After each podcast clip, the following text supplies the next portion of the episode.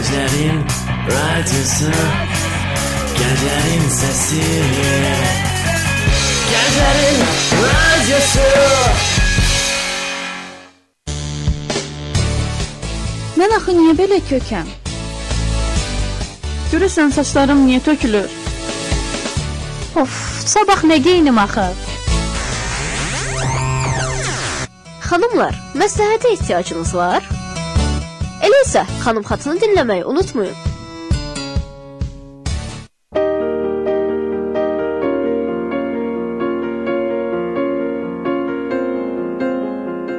Kitab sərvət, bilgi, mədəniyyət, ən əsası istirahətdir.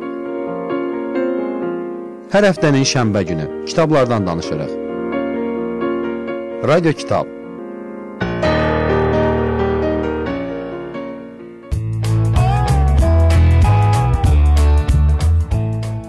Gənclik bitib tükənməz qüvvət, aydın yol, uğurların başlanğıcıdır.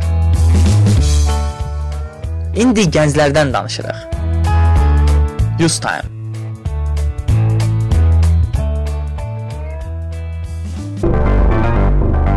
Azərbaycan möhkəm əsaslar üzərində uğurla inkişaf etməyə davam edir. Benim için de bundan böyle Davos bitmiştir. Daha Davos'a gelmem. Мы знаем, как сегодня начинается охота за всеми теми, кто находится на, на Майдане. Glory in the task before us of remaking this country block by block, precinct by precinct, co- county by county, state by state. Hər həftənin cümə günü həftənin icmalını GSR FM-də dinləyin. Mən tələbə. Mən iş adamı. Mən qadın. Mən valideyn. Mən kişi. Mən uşaq. Hər şənbə GSR FM-də sosial mən. Yadındamı Gözlərindən tanıram sən Bakının maralısan Mavi gözündə Xəstəyəm qalıb əlacım Özünə məxsus hekayələr, unudulmaz ifalar, əvəz olunmaz səslər, ahəngdə.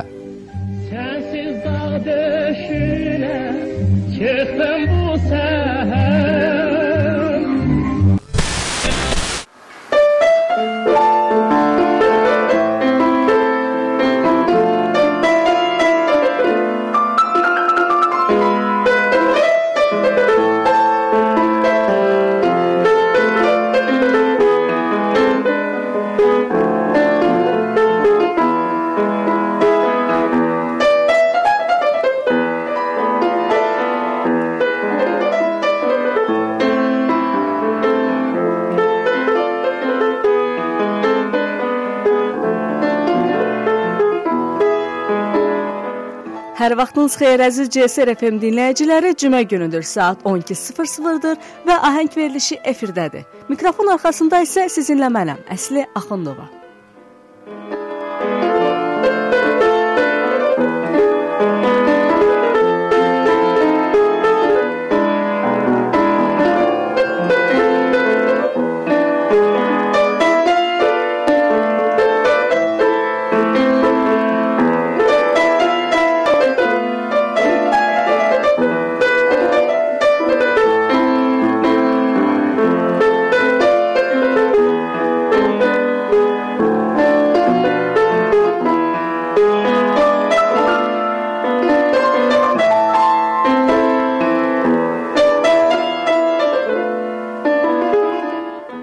Savadı olmayan insanlar belə onun mahnılarını dinləməmiş, sevməmiş, zümzümə etməmiş deyirlər. Bilməzdim, gecələr bulaq başında, ey vətən, qurban verərdim, gəl barışaq, mehribanım, yoxluğunu bilə-bilə mən sənin yanına gəlirdim, sən yadıma düşəndə və digər bu kimi mahnıları hamımız sevə-sevə dinləmişik. Bəli, əziz dinləyicilər, bu gün Azərbaycanlı bəstəkar, Azərbaycanın xalq artisti Elza İbrahimovadan danışacağıq.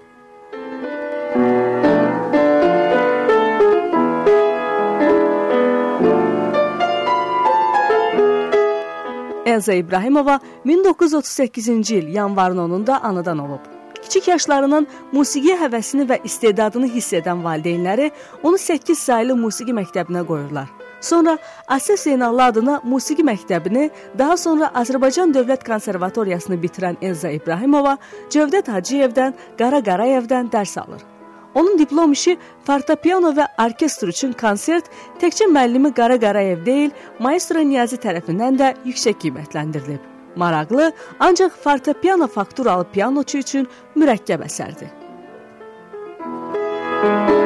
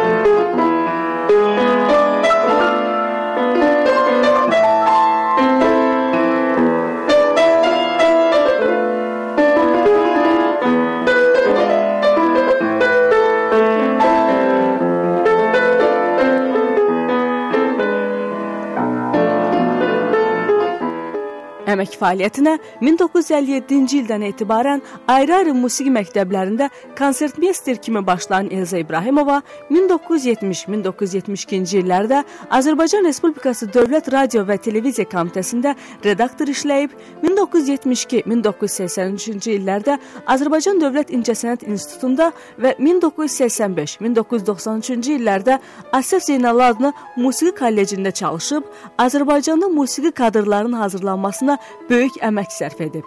Bəstəkar uzun müddət əməkdar incəsənət xadimi Gülarə Əliyevanın rəhbərliyi altında fəaliyyət göstərən Dan Uluzu instrumental ansambli ilə əməkdaşlıq edib.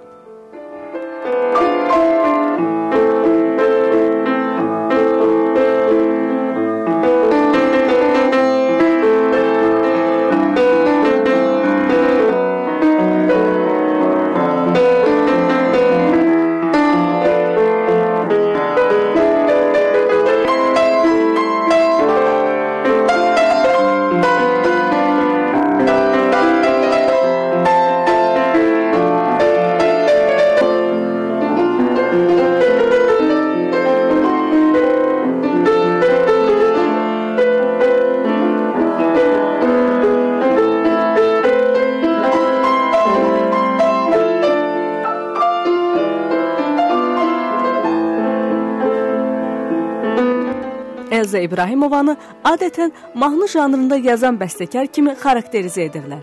Lakin onun hələ tələbə ikən yaradıcılığı haqqında söylənilən ilk yüksək rəylər məhz gənc bəstəkarın mürəkkəb quruluşlu əsərləri ilə bağlı olub. Bəstəkarın 50 ildən artıq bir dövrü əhatə edən zəngin yaradıcılığı mahnıdan tutmuş operayadək musiqidə müxtəlif janrlarını əhatə edir. Onların arasında fortepiano üçün preludiya və variasiya silsilələri, fortepiano üçün sonatina, skripka və fortepiano üçün skrezzo, iki skripka üçün bir hissəli kvartet, dörd hissədən ibarət fortepiano üçün trio, simfonik poema, arteriya, vokal instrumental kamera əsərləri, bir sıra tamaşalara musiqiləri xüsusi yer tutur.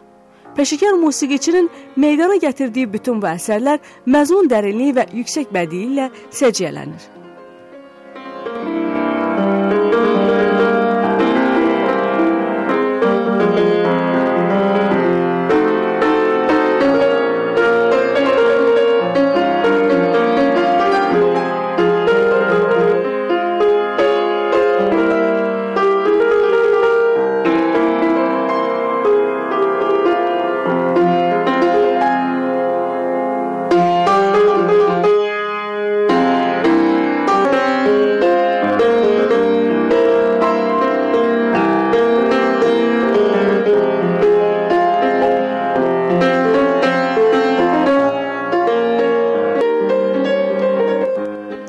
Afət Qarabağ faciəsini əks etdirən muğam üzərində yazılmış Yanan laylalar operaları Azərbaycan neft sənayesinin 130 illiyinə həsr olunmuş Neftçilər himni bəstəkarın zəngin təxəyyülünü bir daha təsdiqləyir.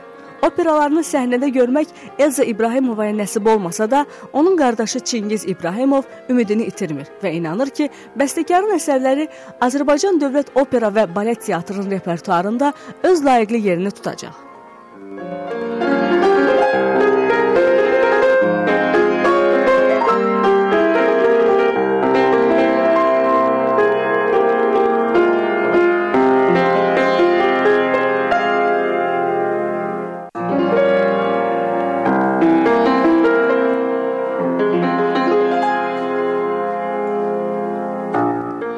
Elza İbrahimovanın istedadı və orijinal yaradıcılıq üslubu haqqında Tixon Xrenikov, Georgi Sviridov, Otar Takataşvili, Cövdət Hacıyev, Arif Məlikov, Murad Kajlayev, Qara Qarayev, Niyazi kimi dünya şöhrətli sənətkarlar çox yüksək fikirlər söyləyiblər.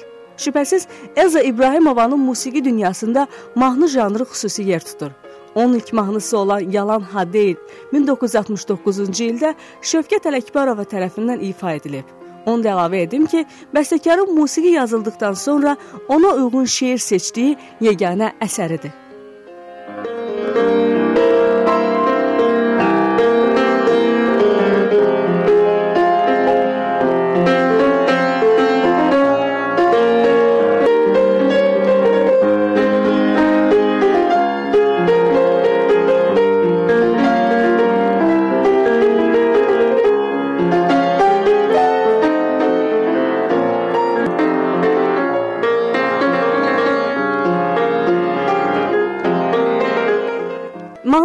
Danışarkən bir məqamı da qeyd etmək yerinə düşər ki, bəstəkarın əsər ifa prosesində görünmədiyindən tamaşaçının yaddaşında əsasən eşitdiyi mahnı və oxuyan müğənni qalır.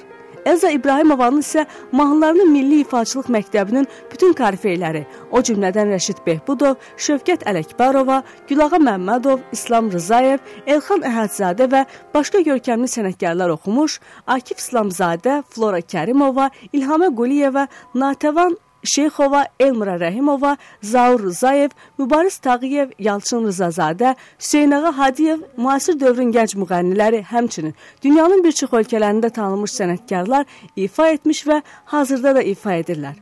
Onun əsərləri istedadlı ifaçını dinləyicinin yaddaşını həkk etmək qüdrətinə malikdir. Sevgimiz elə bu qədər Məhəbbət qürbətə gedər Bilmezdim, bilmezdim, bilmezdim Bilmezdim.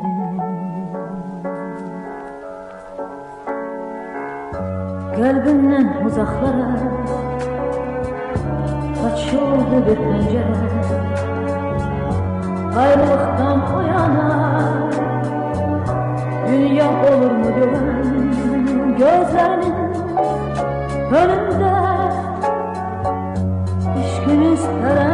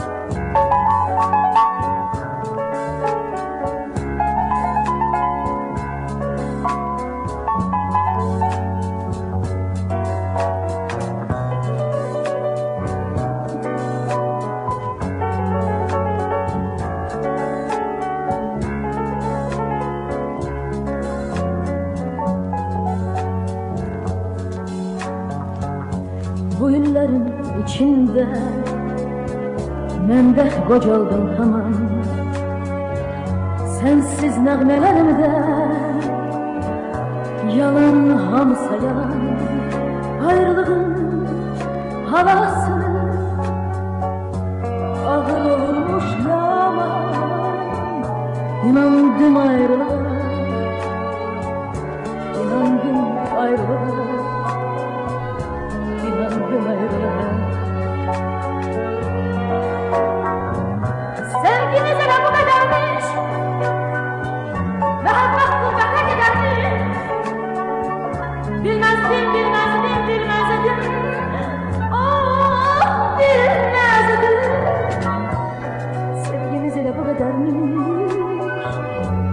بحكر بتاجد أنون المسجون بالمسجون بالمسجون بالمسجون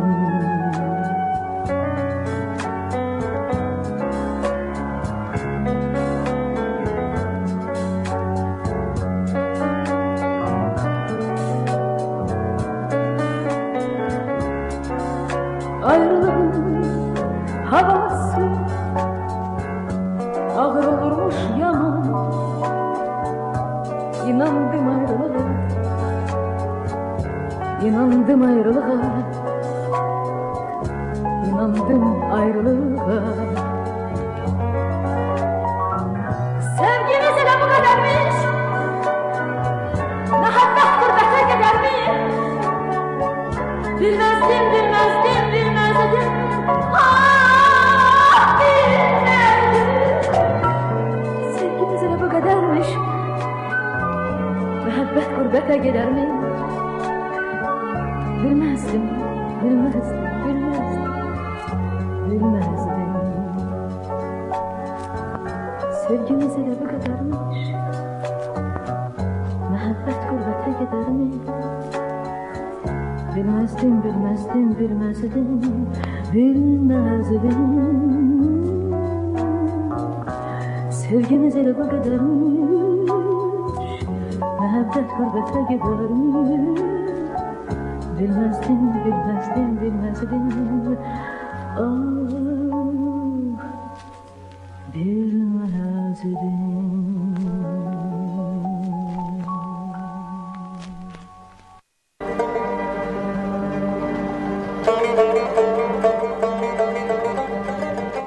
Bəli, siz dinləyicilər biz davam edirik. Elə bilməzdim ifası haqqında kiçik bir məlumatı sizin diqqətinizə çatdırmaq istədim. Bu ifanı e, ilk ifaçısı kimi İlhama Quliyevanı tanıyırdıq, amma mahnı e, Flora Kərimova üçün yazılıb. Sadəcə olaraq həmin ərəfədə Flora xanım xaricə gedir və Elza İbrahimova onun üçün yazdığı iki mahnını Bilməzdimi və Sən yadıma düşəndəni başqa sənətkarlara verməli olur. Elmira Rəhimova Sən yadıma düşəndə mahnısını elə gözəl ifa edir ki, Flora xanım o mahnıya bir də qayıtmır. İndi isə sən yadıma düşəndə ifasını da e, dinləyək, sonra söhbətimizə davam edərik. Nur tökülər Sən yadıma düşəndə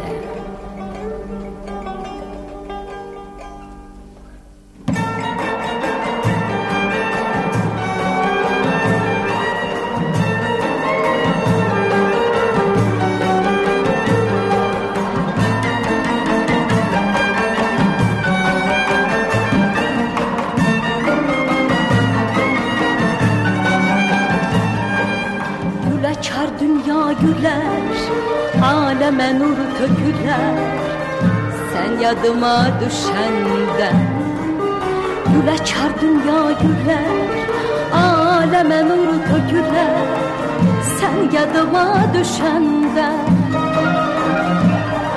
Gecə olsa Gecə olsa ay çıxar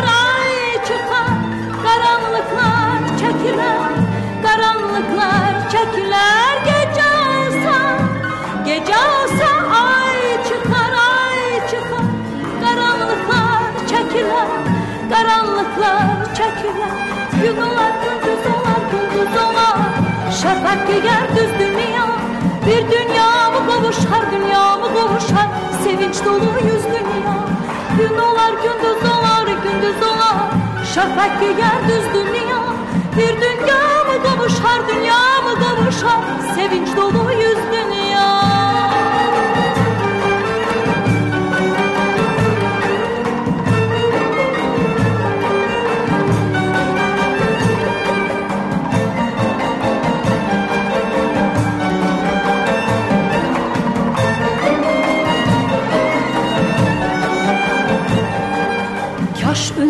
Sənə yetər Kaş səsim sənə çatar.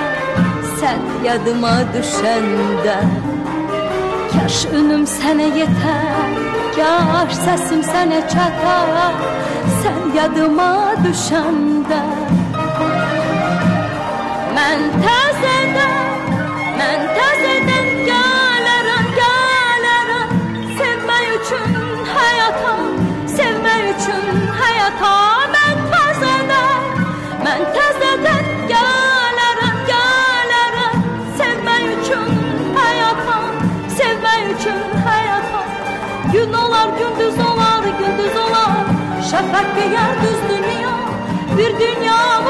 qovuşar, dünyamı qovuşar Sevinç dolu yüz dünya Gün olar, gündüz olar, gündüz olar. Şəfəq qeyər düz dünya. Bir dünyamı qovuşar, dünyamı qovuşar Sevinç dolu yüz dünya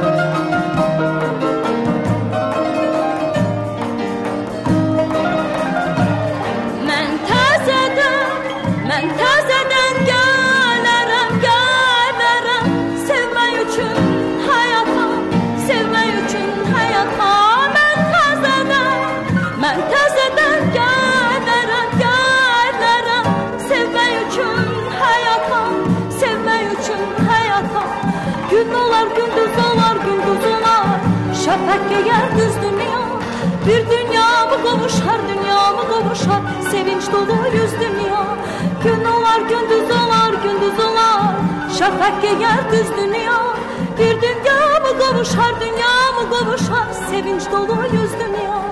Gün olar gündüz olar gündüz olar. Şafak giyer düz dünya. Bir dünya mı kavuşar dünya mı kavuşar? Sevinç dolu yüz dünya. Gün olar gündüz olar gündüz olar. Şafak giyer düz dünya. Bir dünya mı kavuşar dünya mı kavuşar? Sevinç dolu yüz dünya.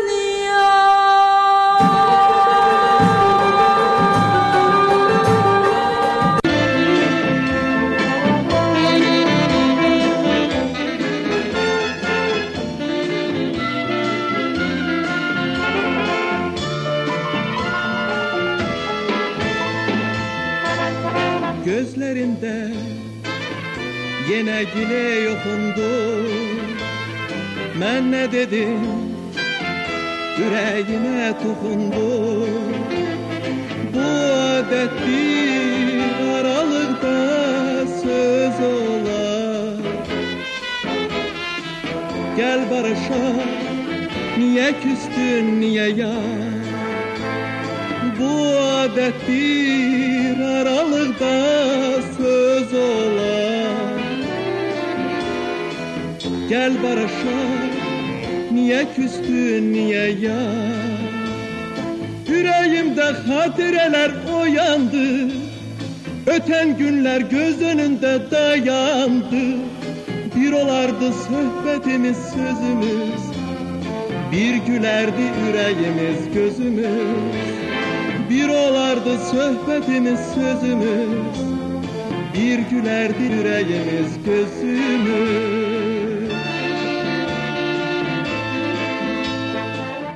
Musiqi mədəniyyətimizdə geniş yayılmış mahnı janrı Elza İbrahimova yaradıcılığında yeni keyfiyyətlər qazanıb. Müəllifin yaradıcılığına xas olan sərbəstlik, novatorluq kimi cəhətlər onun bəstələrində də əksini tapıb.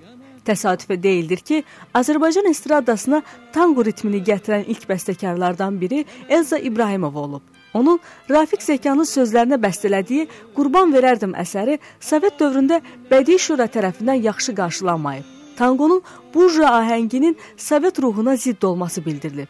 Lakin mahnı ilk, ilk ifadan sonra dillər əzbərinə çevrilib. Bəstəkarın belə ritmdə yazdığı digər əsərləri də tezliklə onun sevilən mahnıları siyahısına daxil olub.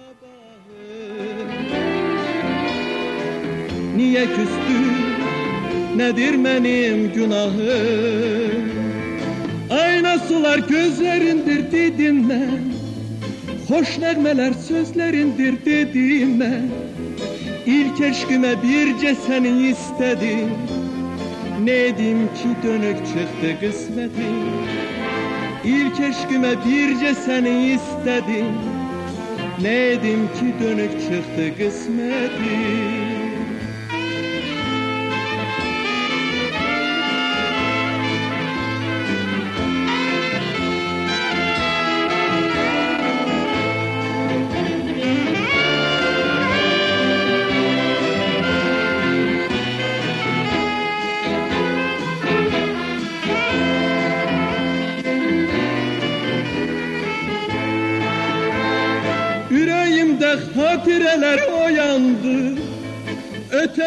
Günler göz önünde dayandı.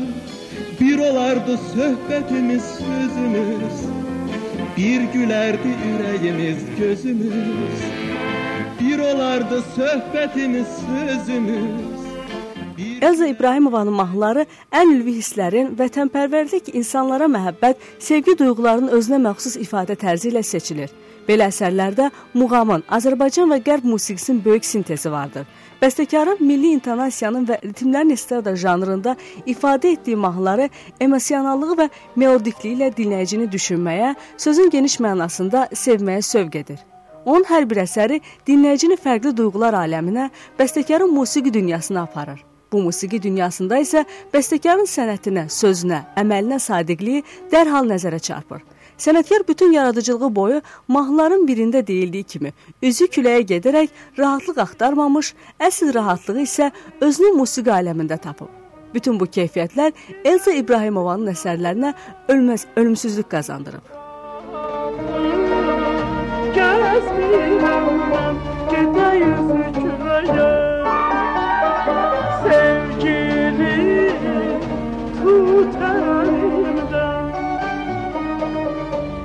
Elza İbrahimova insanın daxili aləminin təlatümlü duyğularını, ürək çırpıntılarını musiqinin dili ilə məharətlə ifadə edib. Yanıqlı, sevgi dolu bilməzdim mahnısı melodiyası sözlərsiz də bizə çox şey söyləyir. Bəstəkar insanları ən incə hissləri qorumağa, sevməyə, sevilməyə çağırır. Təsadüfi deyildir ki, xalq şairi Bəxtiyar Vahabzadə vaxtilə Elza İbrahimovanın yaradıcılığını mahnı janrında lövhə ustası kimi xarakterizə edib. Bükülməsin dizimiz Gedək üzü küləyə Yollarda Elza İbrahimovanın vətən sevgisini, elə obaya bağlılığını, təbiətə vurğunluğunu tərənnüm edən Ey vətən mahnısı bu səmimi hissləri həm də dinləyicidə aşılayır. Rəşid Behbudovun ifasında bu əsər Azərbaycanı dünyada tərənnüm edən mahnılardan biri olub. Yollarda daş kəsək var. Yollarda gül çiçək var. Yollarda qar külək var. Gedək üzü küləyə Elza İbrahimova 2008-ci ildə Azərbaycan xalq artisti adına layiq görülüb. Lakin bu İbrahimovanın sonuncu uğuru olub. Uzun sürən xəstəlikdən sonra bəstəkar 2012-ci il fevralın 11-də 74 yaşında vəfat edib. Vəfatından sonra isə sənətkar Dədə Qorqud Milli Fondunun və Azərbaycan Dünyası Beynəlxalq Jurnalının Ağsaqqallar Şurasının qərarı ilə Mehriban Ana ordeninə layiq görülüb.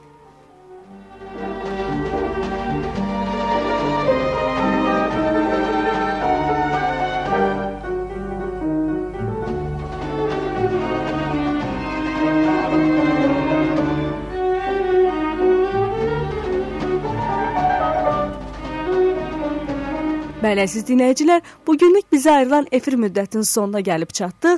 Bu gün Azərbaycanlı bəstəkar Elza İbrahimovanın yaradıcılığından söhbət açdıq. Növbəti efirlərdə eşidilmək ümidi ilə xudahafiz.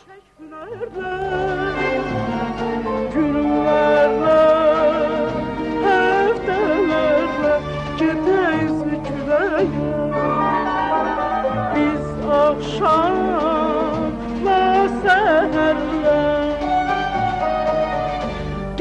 meşeşlerle Güllerle Heftelerle Gideyiz ikleye Koyunesin üzümüz Koyaşarsın gözümüz Bükülmesin dizimiz.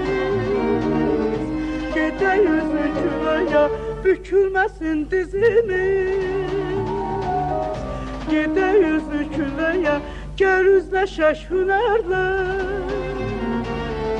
Gedək üzü küləyə Gəl üzləşək hünərlə